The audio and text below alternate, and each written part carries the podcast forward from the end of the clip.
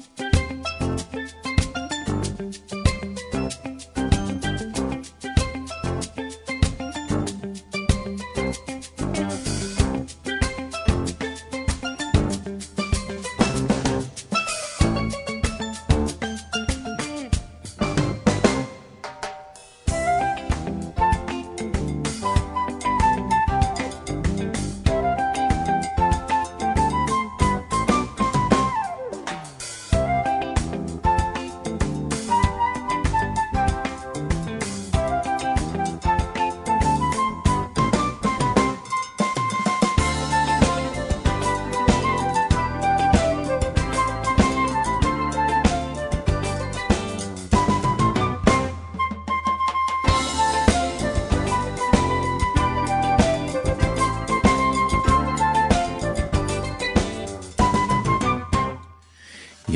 god morgon, hette er uh, sendingen av Bilgelangt her og Lindene. Jeg er de hennes, sendt ikke verster i morgon. Og sendingen i dag verer uh, rattlige negv mest av en prate som vi får hava. Eh, og man så kan si som et framhalt av uh, en sending som er veri i øren milen. Og det er om norsk pratekumannen Hauke. Hauke det har vært så en samråd vi Sømmer Afslandersen som just heit her sendingene. Vi sendingene Kredo, Charm Gerg. Det har vært, og man har løtt at vi fer at det tås oss ikke meir om det, at vi her er så mykje nekv tilfære at teka atter ui. Og det er fer i at lesa et skriftsteg her, det har vært ur Salma 8 Her sier han, sjælur er mever, og ikkje gongur, og i rai hinna godleis. Ikkje stendur av vei syndara, og ikkje sitter, her spottara sita. Men hever glei suina ui lov herrans, og grundar av lov hans herra, bei det og nått. Han er som tre, planta vi vattens løkjer, og i ber avvøkst suin, og røtten tøymann, og som bløyni ikkje fallna av. Øtlun og han gjer hever han etna vi. Så er ikkje vi hinne godleis. Nei, de er som dumpa og i fyker fyrir vinten Tog vera godleis ikkje standand i damen ei heldur syndarar og samkom rattvisa. Tog herren kjenner lei hinna rattvisa, men lei godleisa endar og i veløys. Ja, to lustar etter sendingen er Abelge langt, jeg er Henne Lutzen, og heter som morgensendingen ui Lindene. Som jeg har lyst uh, over ui hesar sending, så får jeg da ta seg synder om uh, norska predikomannen Hans Nilsen Hauke. Og um, det som er framalde av uh, sendingen, eller tveimann sendingen som har vært i kring av førja, her i Arge, Arge tåsar vi Sømmen Absalonsen, og vi tar av finnes han i utvarpsstovene. Velkommen Sømmen. Takk, takk for det. Takk for det. Ølja, ser jeg av og verst, en lurte etter dem og sendingen som til Arge Arngar Høtt og, og i kringvarpen, så vi andakt og, og lurte i Men jeg har lykka ho at uh, for jeg gjør en introduksjon til uh, hendan mannen som etler omrøves eisen i dem. Her stender Hans Nilsen Hauke var born i Heim i 1641 i Tune i Norge. Han arbeidde i gæren og pappa noen, en dagen var han ute av marsjen og fikk han en godomlig åpenbering som brøtt i alt liv hans herre. Han får rundt landet og bo i glede i bådskapen, men ikke var løft at vi er ferende prædik med oss, så han var samanlagt 20 år i fangslet Han skriver i 33 bøker som kom ut i 400.000 ein tøkken. Eisen var en hekning i verksete, han hever hatt sér store avverskan i kyrkjena, og vi har sagt at vera tann norske Luthers. Årsynlig til at jeg vil prata vi til Søymen om Hauken, det er at her er, her er så nek stoff som man kunne tidsja atter og. Og særlig at særlig i mån til i det. Nu er vi i 1600 og siste 1600-talen, og ta også man, ja, hatt var bare å ta. Men det er et årafettler som sier så lesen her, at han som ikke kjenner søvnene, er dømter at endertekene. Jeg vet ikke hva det er mer et eller det er. Ja, det sier man. Og anker, jeg heldur en tysk filosofer, og det var Hekel som sier til at um, at søvn lærer dere bare åkt, og til det vi lærer ikke søvn. Mm -hmm. Men det er vi at ikke kjenner søvn og endertakene, og, og at han som ikke kjenner den er dømt til endertakene, det er ganske særlig galtende for kyrkjøsøv. At det er mer enn en mer sekulære søvn, halde jeg. Og det kan man ikke minst av, av søvn til Hauke. Hauke er jo et uh, en tøyarmynd, kan man si, i norra. Men akkurat akkurat det samma, vad ska man säga fenomen eller som du sa här. Eh det ser då är nära sen vi har ju någon uppsökning till nära. Så tycker England och i att han där reformationen att det var sannolikt ett fruktland. Det var lugga som att han han einaste rätt reformert vad ska man säga tvångskristendomen som skulle krastas när man gjorde om om det hade funnits en uppenbarelse innan för att det var lugga mycket alltså det var et doktrina som skulle pressas i iver hadde jeg falt utan fra. Det gjør det jo at nek flytte ur England. Det var altså ikke, ikke ateister, ikke godløysingar eller muslimer eller som flytte ur, men det var altså endefødt kristne som, som lønnes uh, før i Amerika. Er dette så, så kallt pietistaner og, og... Ja, ja, og alt det, ja. ja. Så han hever ankur vetsing, det vi sier at vi tog inn i at hon som en kvar vulkan, hon er til som sier flaudande lava, men det blir på et tushpunkt, så blir kallna det og blir forstøyna og... Øle gav mynd. Ja. Hvis vi kan laiva mer bruka det. Onker brukt vujar, brukt myndna, og så fyrir onker etter sin lava tilfæren og høgge det ut og bytjer, bytjer halvdjødomar på sjúrdi og sier det at hette er brennande lava. Ja. Og helst enn standmynd av, av onkron ja, ja. forspråkar og. Ja, ja. Men så det, så det, så det, halde jeg at sørste du sendingen om dekret og her brukte jeg en mindre fra Kirkegård om her han sier man ber kristendommen og kristenheten. Ja. Ja, det er rettelig provokerende. Jeg, jeg vet ikke om jeg endelig får si det. Det er så 100% samtidig, men nå nevner jeg bare som en døme, så som han ser på at, at kristenheten har avskaffet kristendommen, og holder, helt god, og holder god for nære, sier han. Ja Jeg halde at munnen er tann, at, at kristenheten er, da du hever en, jeg må si, en år utan anda, en religion utan, utan uh, innblåster, om man fra, fra goden. Jeg leser morgen Arne fra heimann fra, eller ta låse vi sammen, ur Johannes evangeliet, ta etter sjåre drejande ved Jesus, fyrir den romerska landshøvdingen, landet var jo hersett, og jødaner hadde jo hadde sitt egna råd, og hadde sitt egna domstol, men han er i begrenset mandat. Ratten at jeg av døven, han hadde det ikke. Han måtte da få fra uh, de romerne som hadde hersett landet, så de måtte føre til borgen av kjall, landsøvdingene Pontius Pilatus. Og da får så her for dag her, men så stendet det at tar som fører vi Jesus inn, tar vilt ikke færre inn i borgerne. Tog at tar måtte ikke dolka seg, det var tilhøringer der, og til påskalampen, tar skulle leda påskalampen kvöld, ja. Og fer inn i borgen av en høytning som en romer, ja, så var det ikke røyne nokka. Men at leta uh, god åpenbære henne holdt det med si at det fer inn i borgen, det var funnet kjørt henne. Og det sier bare at, at, at, at hvordan blind religionen kan bliva, ta andre hvordan vekker vekker. Man kan si, det blir mørkleise blindløygen. Ja Skepnens ironi, om man så sier.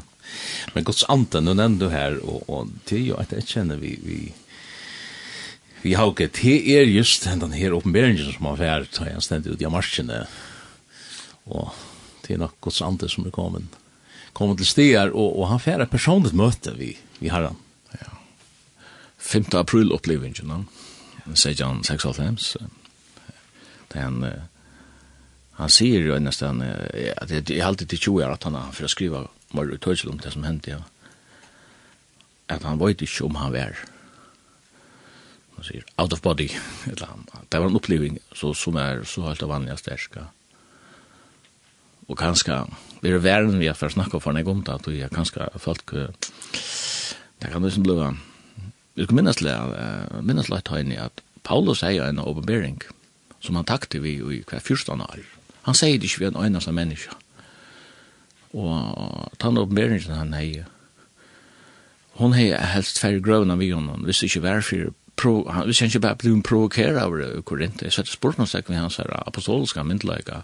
Så sier han, nå nå jeg fortelle at det kan jeg ikke. Nå er det for fyrsten, jeg fikk han i det riktige rom, tre eimann, jeg har det år som, som ikke lager med løtt menneskene å tale. Jeg vil gjerne la det være ved at ta som et her, for at andre skal ha uh, hakre tankar om mig än jag har uppe på ja. Men nu provokerar det mig till att till att för ut och fortälja vad något som jag faktiskt gärna vill takt vi ja. Jag skulle ha blind för det att, att uh, svärma röj finns och, och folk färre ut och rejpa om bäg hettar och hattar och, det, är, det är inte gott om man så kan se. Det så gör det inte från bäg som Hauke hans hållning till det och, och Sjone Paulus som du nämner här i snön. Ja, og jøkken der vekingar som spretti av løyven til Hauke, var det nekvar variantar av kjelium, svermarøy og sånne, og det ble brukt av myndløkene, umøt i hauge, jeg følte gjør det dum ting og sånne, ja. Altså, det skulle han, som man sier, standard rockska fyra. Alt vi brukte med i øynene, må man si. Men leser apostelsøvnene, så sørste han ikke til at der uh, samkomna som blev att det var perfekt där. Ja. Det var stora människor och hade jag sin avbjörningar så lätt som alltid det här som människor sånt. Alltså. Men alla gav virkar ju god.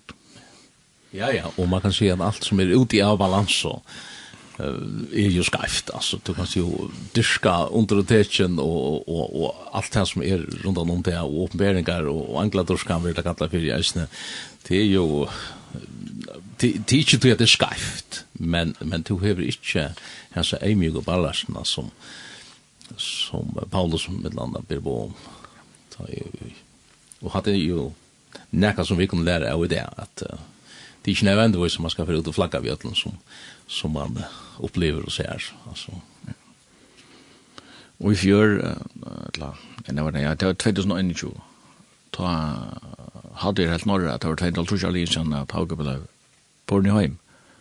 Og man kan si at det er allmänna norra det er versliga å sekularisere i norra for det er sånn, og vi gjerne stäcka av och kunde som det tar hekvna och minnas den urmälen gärna som levde for 200 tuschar eller var født for 200 tuschar så gärna. Och en, en 20 kroner vi Virginia ut av norske, norske, Norges Bank i Mynda Hauk og Kjell Magne Bonnevik fyrir hans statsmann, han sender 8 fyrir han nevnt som skal fyrkjipa i must. Man, man kan ikke lavere vi... Ironien hon är er himmel och allt. Ja. ja. Alltså kände kände man väl så när hur vi hette allmännans ja. hur vi just den mannen. Ja. Jag husker mig han stöjbaren, va? Att Det sender jo, det kom til profeten om Malakias, at jeg skal sende til Elias. Og jeg tar tro, bokstavlig, at, at uh, ta for å oppleve en reinkarnasjon av Elias. Men uh, jeg hadde ikke skriften, hun lærer ikke reinkarnasjon, altså. Til lea menneskene øyne fra dødja, punktum. Og at han hadde det omstender, reisen, ja. Og Elias var jo en, en person som var deir flere hundre år, og en Men jeg skal sende til Elias, altså Og det som ligger ute i det er jo at jeg skal sende deg en person og i andre og kraftig lias her. Anna er ikke ute i en det, ja.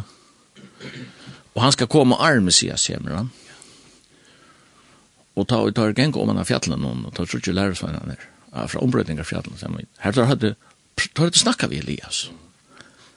Tar hadde brann om oss, som, som er noen hundra år eldre, altså, du lever jo sånn her, knappt er du ferdig inn i en, inn i det er andalige sverena, og, som är tojarlös på den maten. Nu kan jag ta om han efter. Och, och tar sig vi han. Så ser där vi han. Ja, men kvätt, kvätt, tar sig ju att Elias ska komma först. Arme sier att Tar, tar, egentligen har sig sånn vi vi vi i diskussion med det skriftlärde. Och tar har fortalt, ja, has när mästaren jag tycker has en rabbi, som de kallar rabbi, har det inte messias att göra. Till Elias ska komma först. Och då har två profeteren der. ja.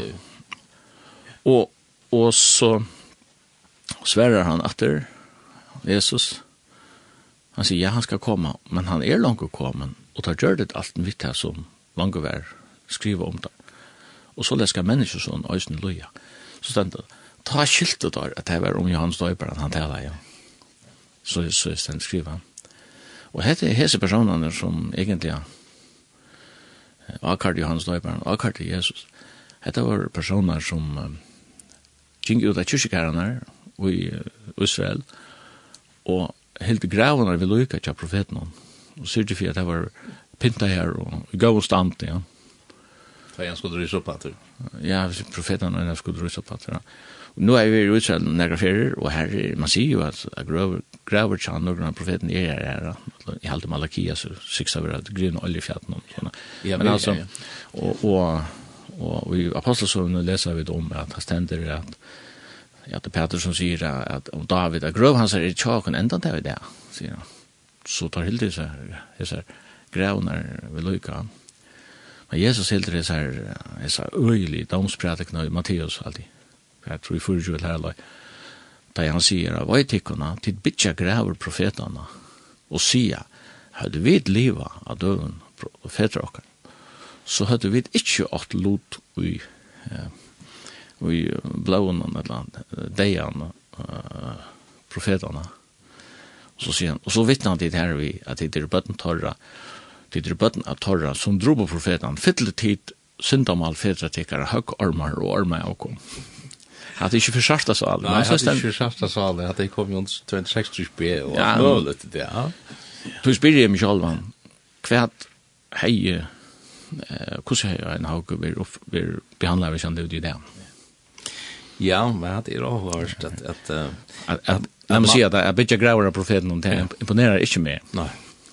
Og, og typisk är det tidsi til bort temperatur som som og kanskje enda snickar sin til tid, så där snarare att at utgavan av hesten her fantastiska profeten og blev meira tøyerhøskande og, og meira i motlandan som er i det. Han blev rettelig selektiv dem på dem han vel noen ting ut. Jeg sa i han er noen lærere tilfær til norsk skolabøten om norska søv og her haug driv fram som døme at han levde så prætika i kyrkjana godværer strenger og ønder og, og, dømte mennesker. Men Hauke var rundt og prædika til at god var vilja fitter og bløyer. Og ta dømte kyrkjen ikke, ikke så sette Hauke i fangsel og sånn. Ja. Og for jeg sier det akkurat som jeg, så har alltid hatt det rønnsøv og falsene. Han prædika i omvending, og han prædika i at det er en god som dømer. Ja Så plats ni det där folk inte känner så när ett la te vill ju känna så. Ja. Ja, du det då bäst så här fitt utgåvan ja. Ja, här. Jag håller att nu har vi pratat vi en låt och vi får höra. Det kan det samma som vi det har hört här till och i morgon och till vi mannssambandet som får synja ett lä för jakt.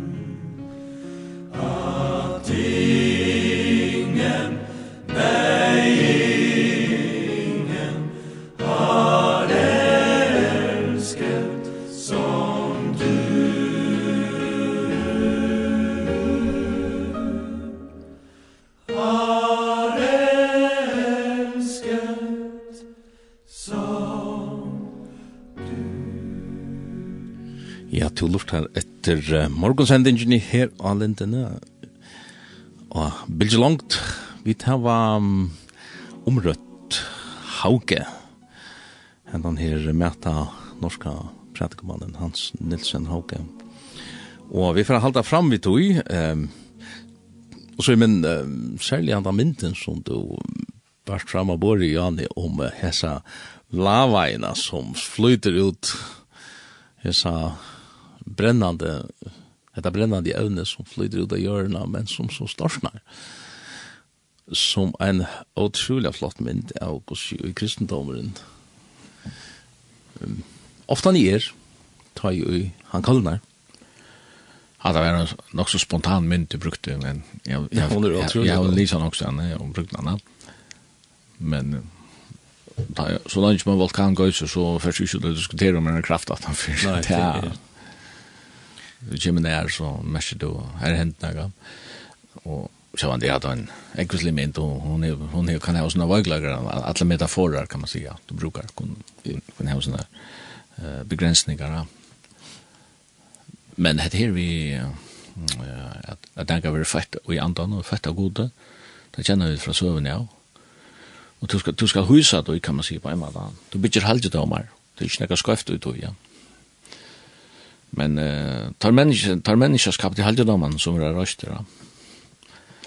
Eh tar vi tar vi standa i att han är att man kan säga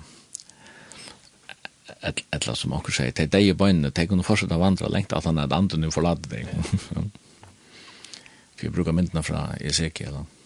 Det är jo klassisk i kyrkjesövnen at du hever Luther heier jo hans krafterna och isär intill intill nära.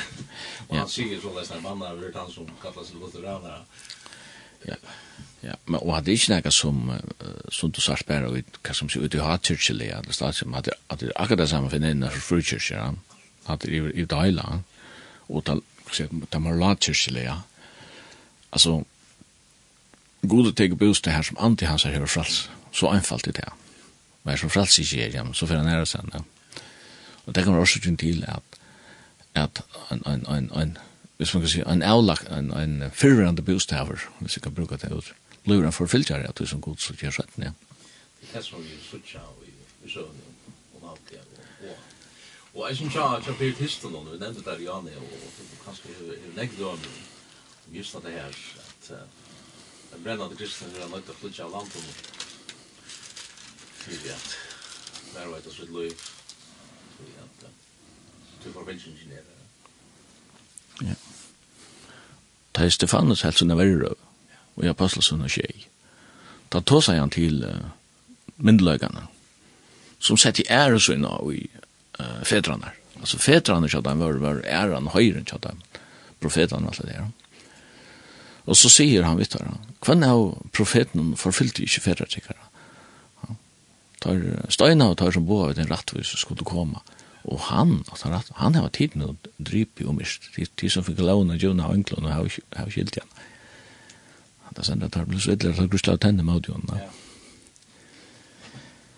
Han er atter, da du hever religion og sånn anta, så, så enda du her. Og tog så han ble sånn det at vi kunne för att börja för jag tänker att det här som som vi börjar vi att att det som känner så när vi väntar den där han är vi det där vi vi är snära. Att känna vi det som för religion nå och Sverige är ganska nej alltså vi vi vi skriver en stund men men är det han kanske tror jag att det är bara allt så. Ja. Ja. Och jag som sändigen någon kredo blev brorsan är nämnd. Han vill ju att et baden av pietismen i 1600-talen. Jeg minns han, for noen år siden, så les jeg en avsøk, bror. Annars har jeg tverre utmerska sendingar vært i Kreto, og ut av fyrja, om brorsan, som, jeg vil si, det kan anbefale fast jeg lort etter. Det kan ikke anbefale fast jeg lort etter. Ja, ja. Brorsan, jeg halte var sender i desember måned. Men eh, han leser, han leser i København til uh, godfrøying tømte illa lesa teologi, han dømte ved naturvisen, han var interessert i naturen og sånn, og det er tjekk anka vi vi ved lesen, det er ikke illa, og han var ångte jo halva vekna deprimera over, og sånn, ja, og så enn for så får han heim i sommerferie. Det var affærast da i 1600-tallet og fra Kjeppanhavn til Vestjylland, det er dog flordeer, det var ikke bare, bare.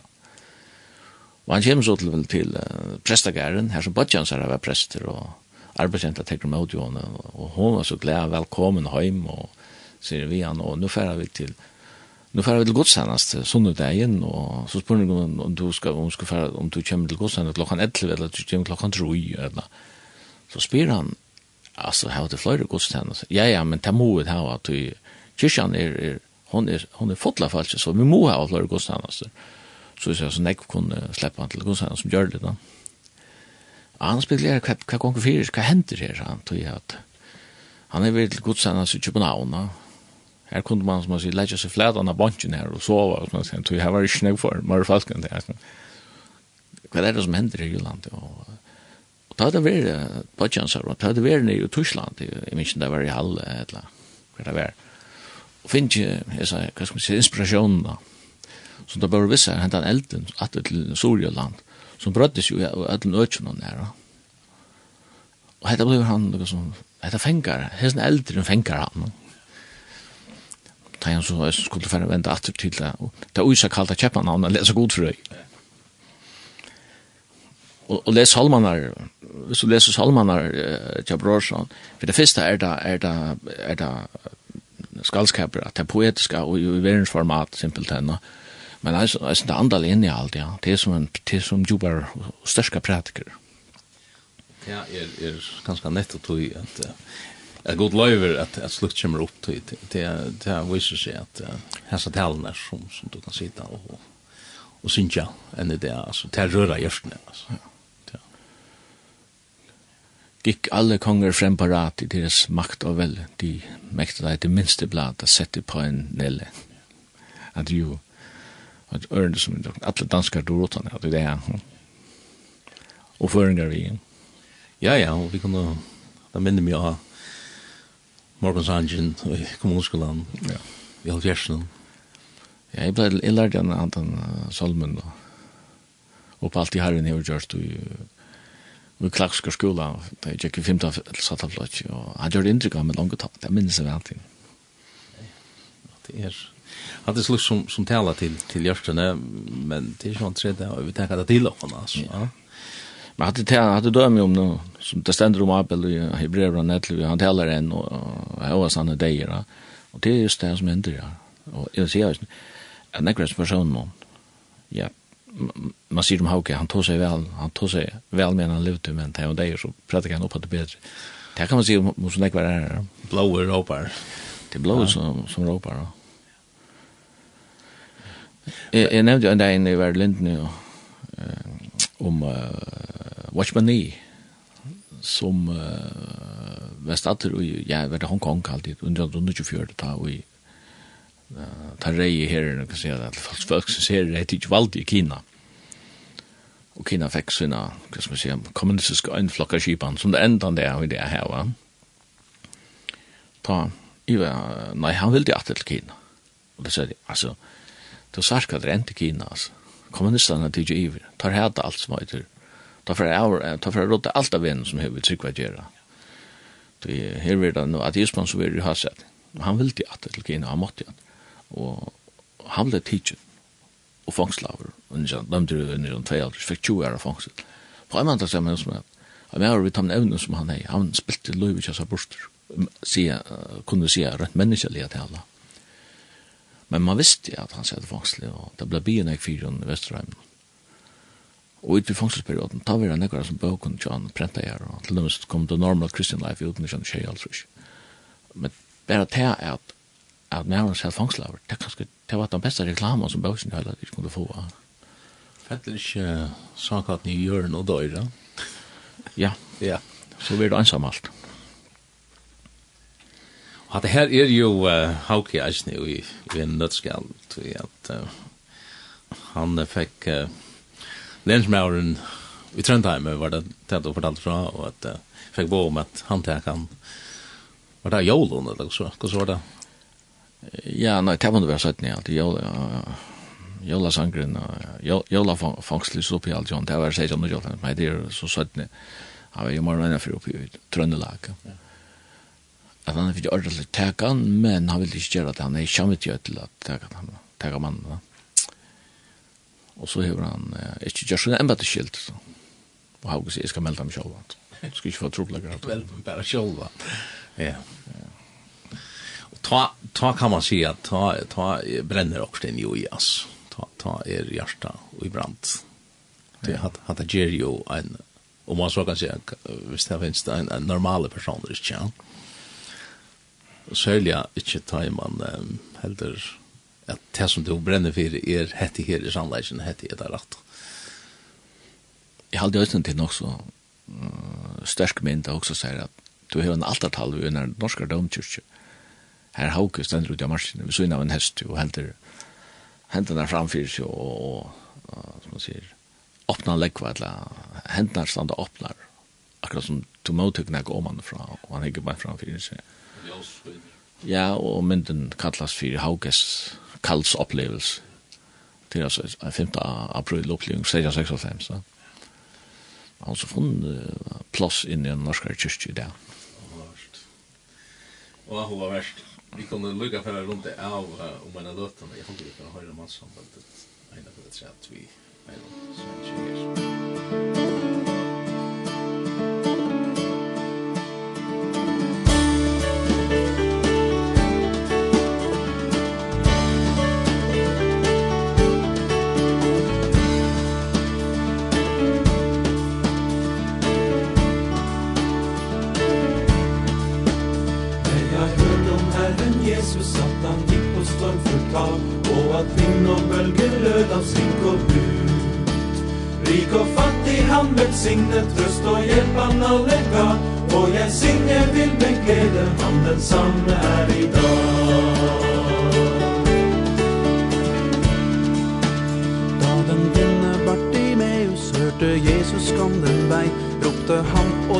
sønn förband du deg. Brått må blindets märke vike bort i med oss blev så bra. Jeg til Jesu pris vil synge Om den samme er i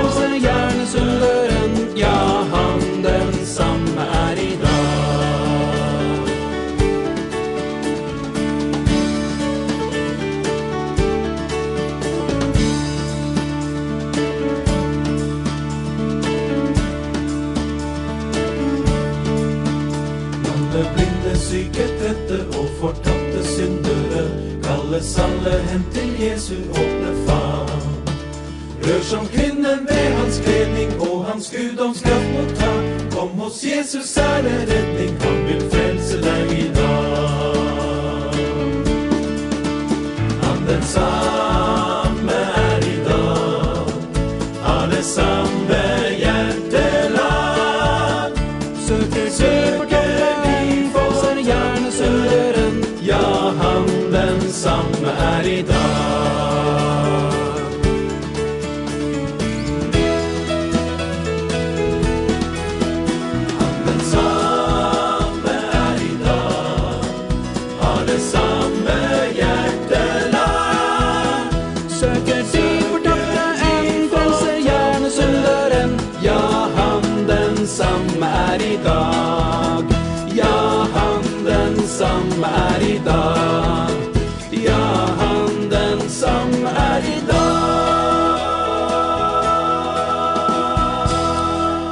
vi har hørt mannssambandet. Det er norsk og frelsen er her, sangarnar, Sinja, han den samme er i dag. Vi sitter enn her i utvarstående i Lindene, Sveimen Absalonsen og Kjolver, og tar som Hauke. Hva kan du lære av Hauke? Hva tenkte du at uh, stender etter? Ja, jeg må si ibiskipa. Ibiskipa, uh, ja. Hvordan viktig det er at tryggvinn er personlig og livant? og ikke bare at, at man sier jeg sikker på noen, noen fakta akkurat som utan at det, utan at det personligt och det lov för mig. Og da kommer man inn på hva det är tryck för några. Alltså vi ska spela det här trust du på att tunar band. Eh hur så skild du spår? Ja. Så satt sig på det, vel? Altså, du kan Og vi är ikke vi vi öron, ja? Nej, ja, alltså men Uh, du kan säga okej okay, alltså i Eva står ju mer gifter så kan du föra ner och, och, och finna en avvikelsesattest fram och lägga den borger så jag det. Helt präkvifier att att det att det är ju en tjonaband det ligger borgen där då och och att ringer. jag ringer fingern ja. Men det var inte det jag spurte om tror du på att alltså är den relation fungerar det? Och och satsar du på det ja det där tror du på Joe Biden eller Putin eller sånne. Ja. Altså, jeg tykker at det er til, kjenner jeg. Men jeg tykker vi nægge vi i relasjon og aldri, ta oss ut om nægge annet. Og ofte har vi hans tingene blant deg sammen, da vi tar som trygg, vi må være objektive og subjektive formene. Det er tvei år gamle testament om, om god, altså, fra malen til Elohim og Jave. Og ikke det Elohim som tar mer uh, iverkjøpet generelle, Alltså take it or leave it, det bröddes inte. Alltså god är god om, om Elohim är Elohim, om land att läggas öj och människan att döja. Men jag vill här, jag sätter samband vi, uh, sottmala sottmålartankan och uppenberingstankan. Och du kanst inte ta som en uppenbering utan du har ett, ett uh, subjekt, att man har kan uppenbera till fyra, och du måste ha ett objekt, det måste vara något som uppenberas. Ja. Det förutsätter att klara parter, och det samma vi, vi eh samfella fellesskapene. Du måste kanskje ikke ha fällskap när du kan ha fällskap ja. Men elhem kan gå standa som alt, Det er et objektivt faktum. Altså, Skjøtabellen brøyder seg om du er nok der anna. Matematisk vil hun standard, ja. Om du, om du tror på tøl et ja. Vi skal ikke nevne tjeden til, nei. Nei. men, men så leser jeg det høysen, ja. Og tøy kan man si at det er tusen det personlige livende strønna som Hauke praktisera så, så kommer man ofta stanna och i ansökan vid det vad ska man säga, det det ortodoxa fattanden av kristendom. Och att mynten här, alltså är de kallt så är de försteina, alltså det är, ja. och vi är här i det här, ja. Ja, och man ska inte bruka hatta till att, vad ska man säga, slå i hatt, ja, för man ska först och främst bruka hatta, uh, använda det på sig själv annars, hver är det? Arma för ut och, och säger att, sier hver hinne, ja. Ja, vel, orsaken til at vi overhøver her, hette prater i det, til er for at vi selv, vi selv refleksjon, ikke inn i hjertåkene, og vi da, vi det går så vidt av det. Og grunnen til at, at frelseren var så her, vi farserende, det er jo ikke tog at, at, at, at tar bedøming av sånne ting var skoiv. Altså, han sier en dag ennå senere at du skal gjøre alt som du har lært deg, du skal bare ikke tenke et versk. Så det var fullstendig blått der for selvserkjennelse, ja, ta kjente ikke seg selv. Og ta hadde unga mulig å lære seg selv å kjenne. Det var så mye blindar av, av, ja, av religion, kan man säga. Det er det, er det som hentan her, søvann om hauken vel. Sier okken, ikke bare om hauken, men, men, men atlan vi en jøgnom, altså jøgnom kyrkje, at, ja, enda Luther, Luther blir jo som et brennande, som en lovande kintel, og, og, og, og brøtt i hjørtene, altså, Men uh, ja, ikke jeg kritiserer Luthers kyrkjen der, men uh, som statskyrkja er hun ganske ikke lykka levande som, som Luther selv.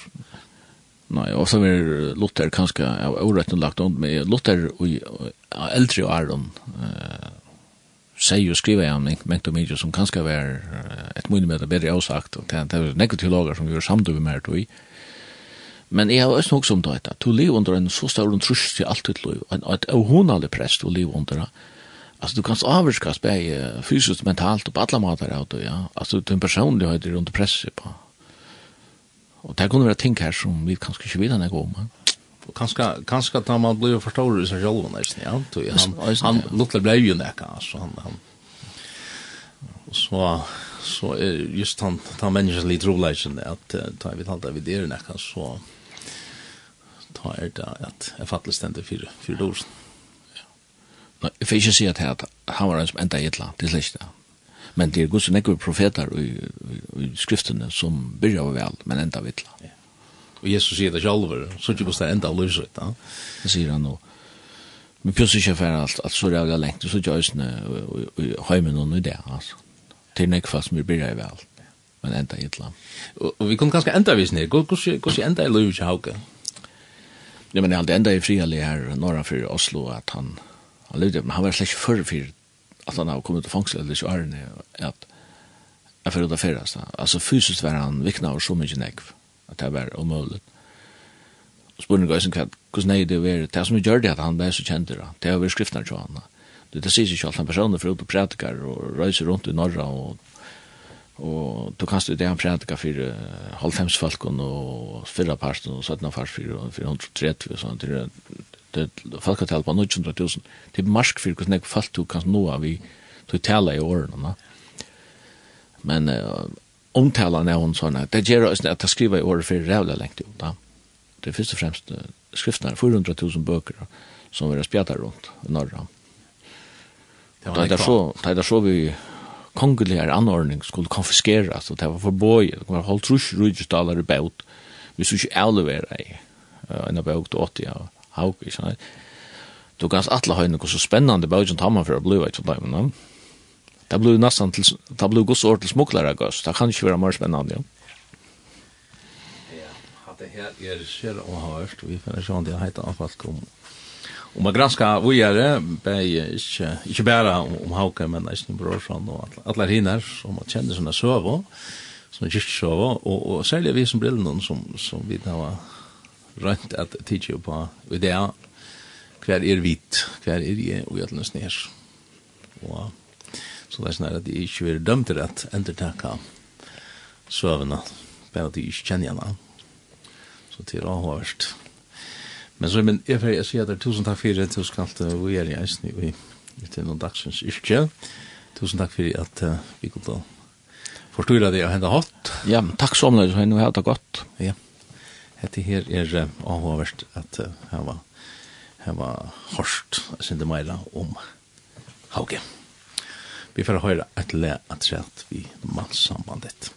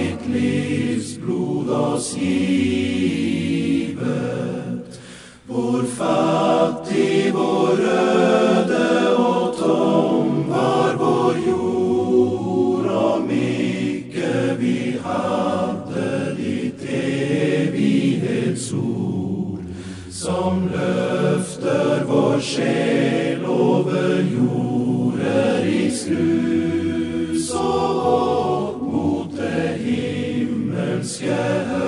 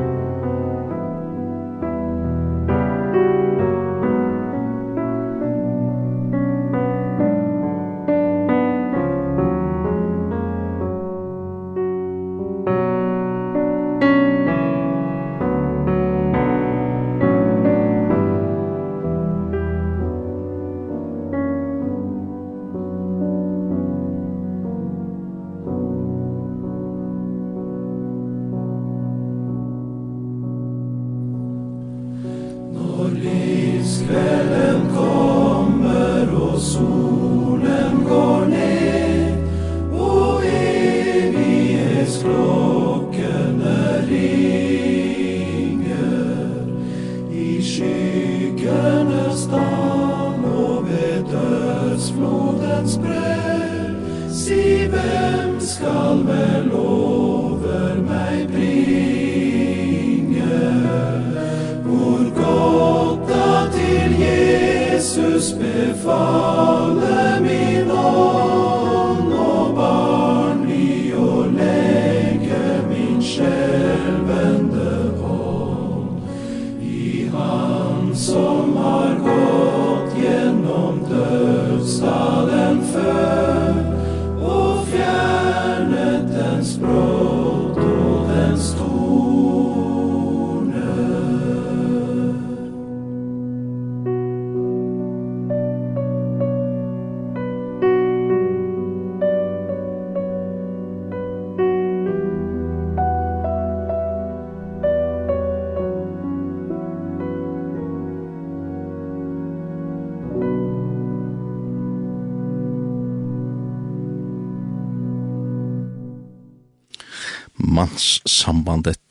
vi den var hårst.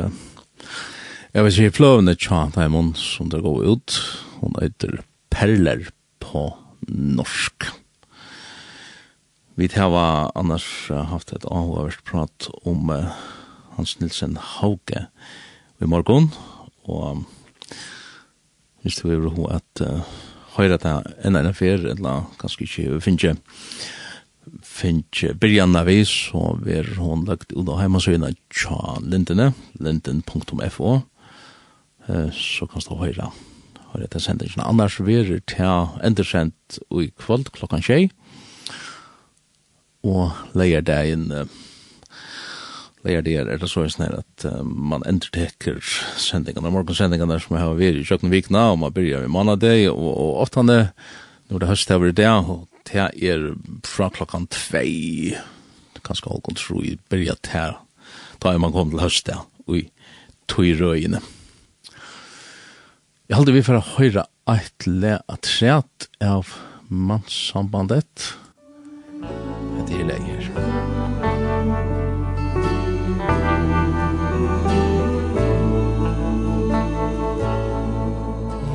Just so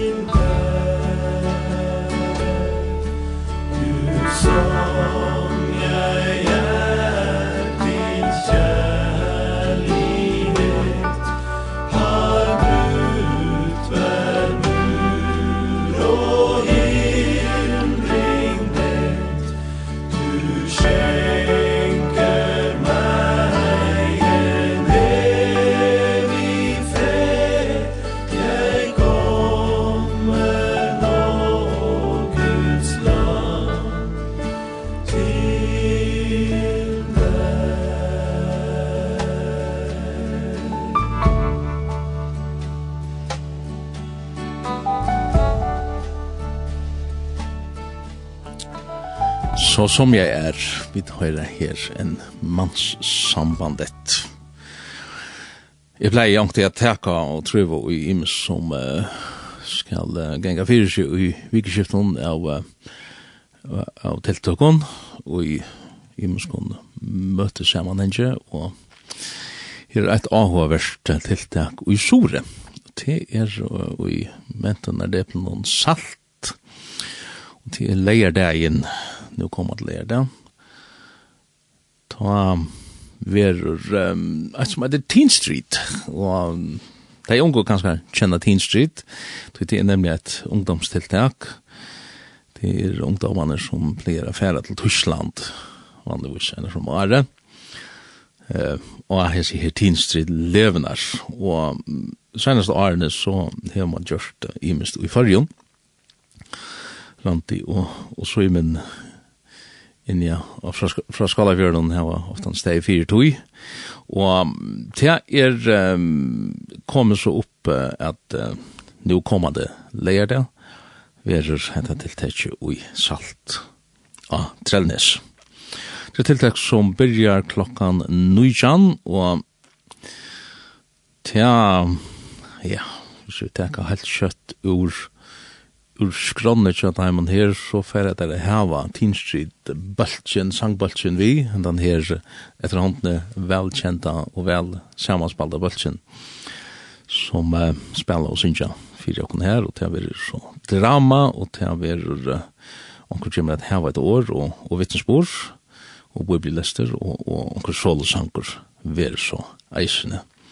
Det er så til, til fyrra tiltakja som verer, at når det er så vil høve tja tja lotakaren, at um, det kallar det for fun food, det er at få seg en bit etta, og det er alt møvlig godt, beiburgarar og viser og hettar hit som som falsk damer, og ofta i er til en stor parstrat og i åttan fyr. Fra klokkan um, halkon tutsjo om kvalt, leir kvalt er det så, så kommer det at det kallar for Throne Room, og det som har vært av Teen Street vet hva Throne Room innebær, ofta han går tonleikar reisende, og, og låsongren er til som som ber til å gjøre noen Throne Room. Mest jo Trono, Trono Room, Trono Room, her som kongren sider av Trono syne. Og vi får få en, en bådskap fra, fra Søymen Jansson Hansen, og og randi, eh, og så kører det her fram til klokkan 23.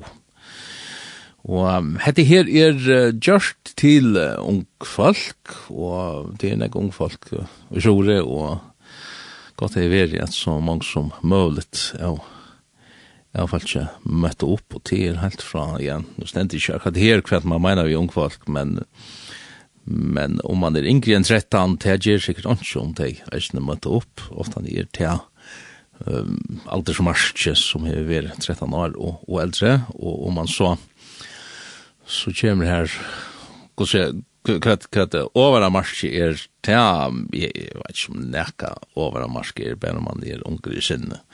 har vi skilt av ned noen, sjåan det man skal man skal tøyma at at lortet gav en tonleidje og ganske sindre herfra og og det er tingene kanskje avmarska et sinter. Men hette her vil så nu leerkvalde og salt ui sur.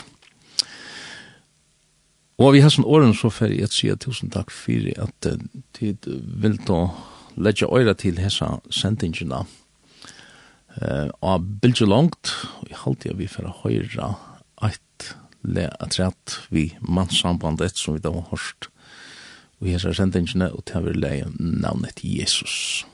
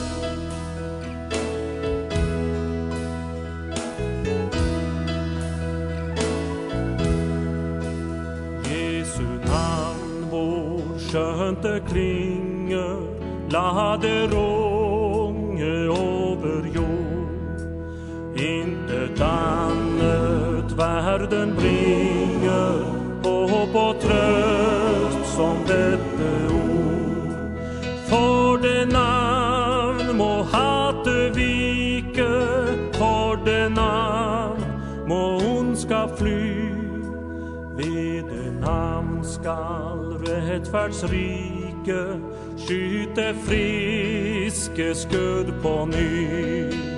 Gamle Jesus må jeg elske, det har satt min sjel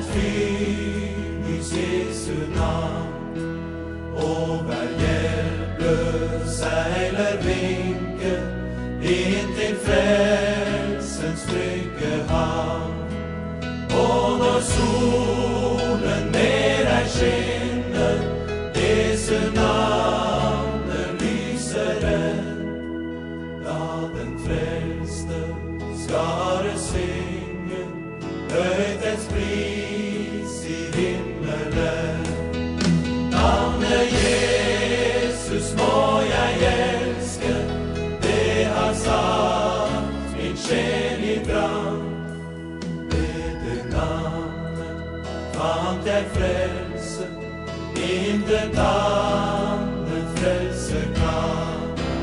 Namne Jesus må jag älska Det har satt min själ i brand. Med det namnet vann jag frälse Intet annat frälse kan. Ved du navnet fant jeg frelsen blåser inte dans